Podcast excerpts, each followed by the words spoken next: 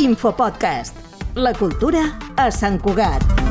A l'infopodcast d'avui tornem al passat per recuperar la música que s'escoltava en època medieval de la mà del cant de la Sibila, que es va poder viure en directe fa uns dies al monestir a finals de desembre, a mans de l'ensemble Contratemps i el cor format pel Cor Infantil Sant Cugat i el Cor Aclepta.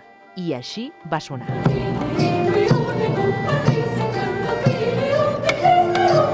Cant de la Sibila en realitat és un cant litúrgic medieval que es cantava abans de la Missa del Gall, la nit de Nadal, i que va guanyar popularitat al llarg de l'edat mitjana arreu del sud d'Europa. Aquest cant, que és una profecia sobre la fi del món, es va anar perdent amb el pas dels anys, a excepció de Mallorca i l'Alguer. Qui millor que l'entitat col·lectiu de música antiga de Sant Cugat, que va néixer amb el propòsit de recuperar i apropar al públic la música interpretada amb criteris històrics per recuperar el cant de la Sibila. De fet, aquest va ser un dels seus objectius que van motivar la seva creació el 2019 a Sant Cugat, a part de voler posar en relleu el patrimoni històric i musical del municipi. Recordem que el cant de la Sibila és un dels pilars fonamentals del patrimoni històric del país.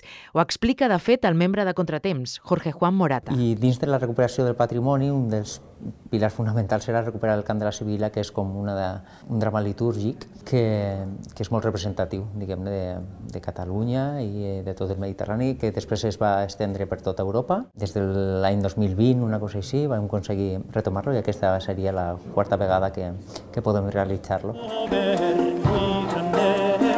Aquesta setmana, Cugat Mèdia hem publicat un ampli reportatge sobre aquest cant de la Sibila, signat pel company César Martínez, amb imatges del directe del monestir i també amb moments d'alguns assajos i entrevista amb alguns músics, com el director musical del muntatge i membre de Contratemps, Jorge Juan Morata. Nosaltres som músics de carrera, tots, diguem-ne, i som especialistes en, en intervenció en criteris històrics, hem estudiat bueno, tractats de, de com es realitzava la música en l'època, però intentem apropar-la avui en dia a lo que és la, la cultura d'avui en dia com ara en aquest cant de la Sibila, on han incorporat en alguns moments ritmes de reggaeton a la percussió i que contrasta amb la utilització, per exemple, d'instruments que ara en són totalment desconeguts, però que s'utilitzaven en època medieval, com ara la fíbula. Ho explica l'Alixania Fernández. Es un instrumento eh, de cuerda frotada. Cuerda frotada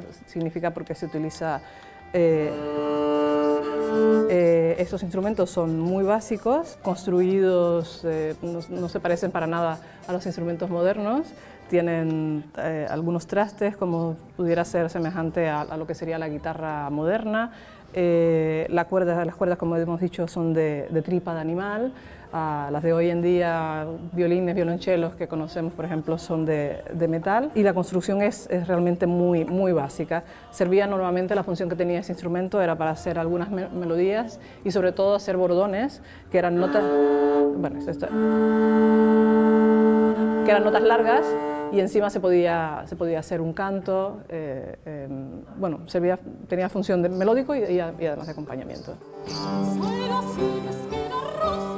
Si vols veure la fíbula, l'instrument que ara ens explicava la Lixània, entra a www.cugat.cat. L'infopodcast és una coproducció de la xarxa i Ràdio Sant Cugat.